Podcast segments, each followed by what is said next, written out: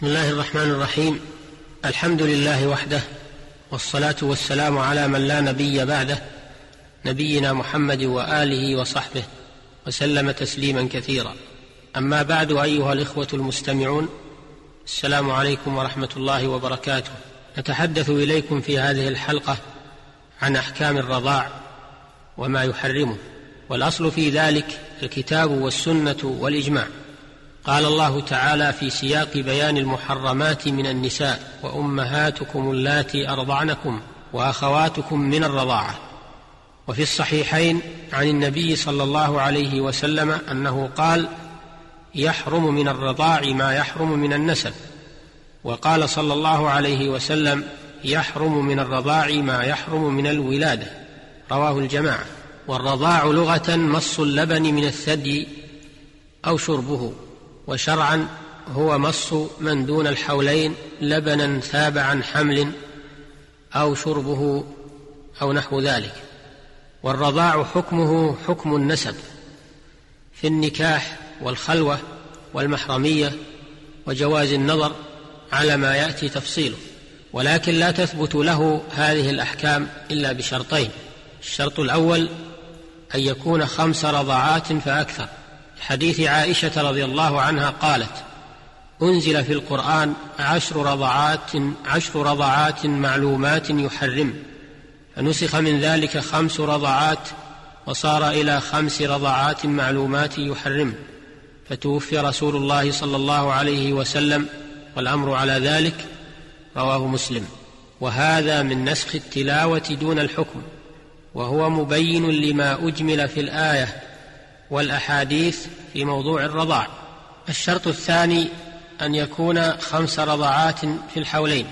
لقوله تعالى والوالدات يرضعن أولادهن حولين كاملين لمن أراد أن يتم الرضاع فدلت هذه الآية الكريمة على أن الرضاع المعتبر ما كان في الحولين.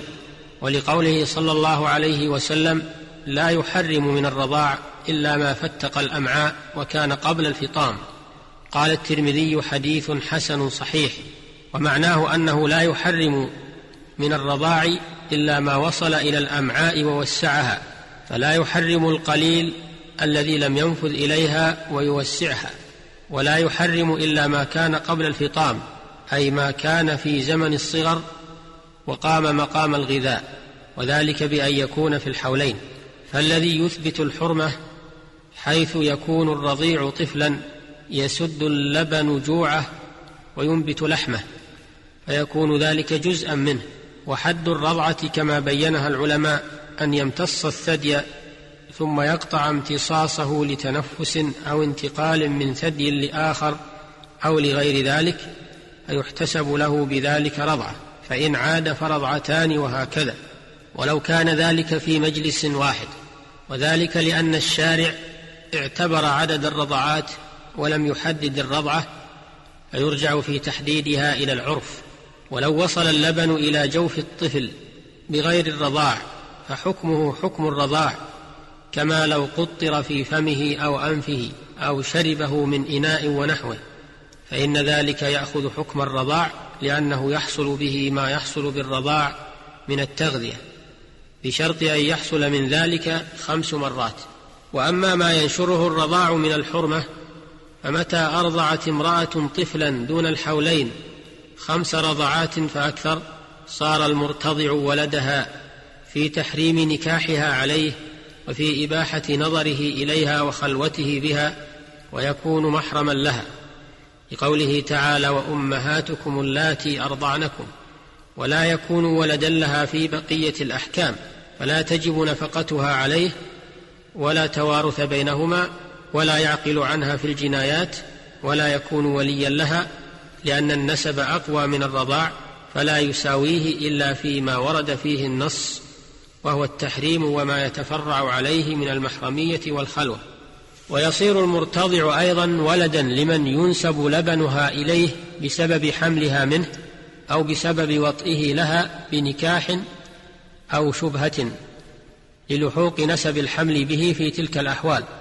والرضاع فرع عنه فيكون المرتضع ولدا له في الأحكام المذكورة في حق المرضعة فقط وهي تحريم النكاح وجواز النظر والخلوة والمحرمية دون بقية الأحكام وتكون محارم من نسب من نسب إليه اللبن كآبائه وأولاده وأمهاته وأجداده وجداته وإخوته وأخواته وأولادهم وأعمامه وعماته وأخواله وخالاته يكونون محارم للمرتضع ويكون محارم المرضعة كآبائها وأولادها وأمهاتها وأخواتها وأعمامها ونحوهم محارم للمرتضع أيضا.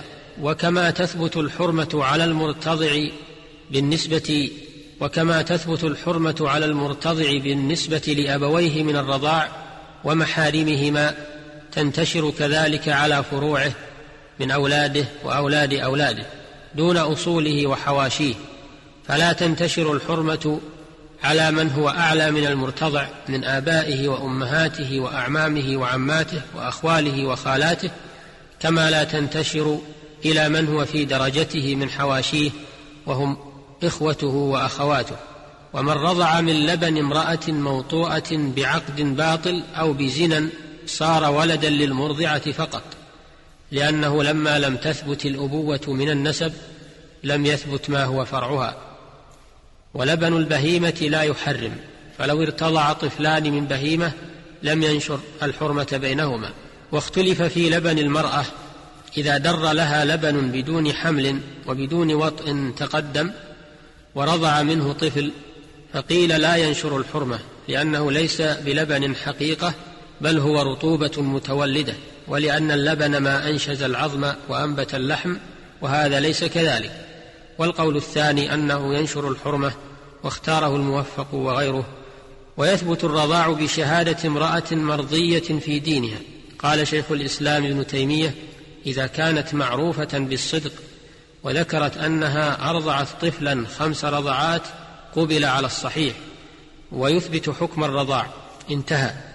وإن شك في وجود الرضاع أو شك في كماله خمس رضعات وليس هناك بينة فلا تحريم لأن الأصل عدم الرضاع. والله تعالى أعلم. وايها المستمعون الكرام إلى الحلقة القادمة بإذن الله. السلام عليكم ورحمة الله وبركاته. الحمد لله رب العالمين. صلى الله وسلم على نبينا محمد وآله وصحبه.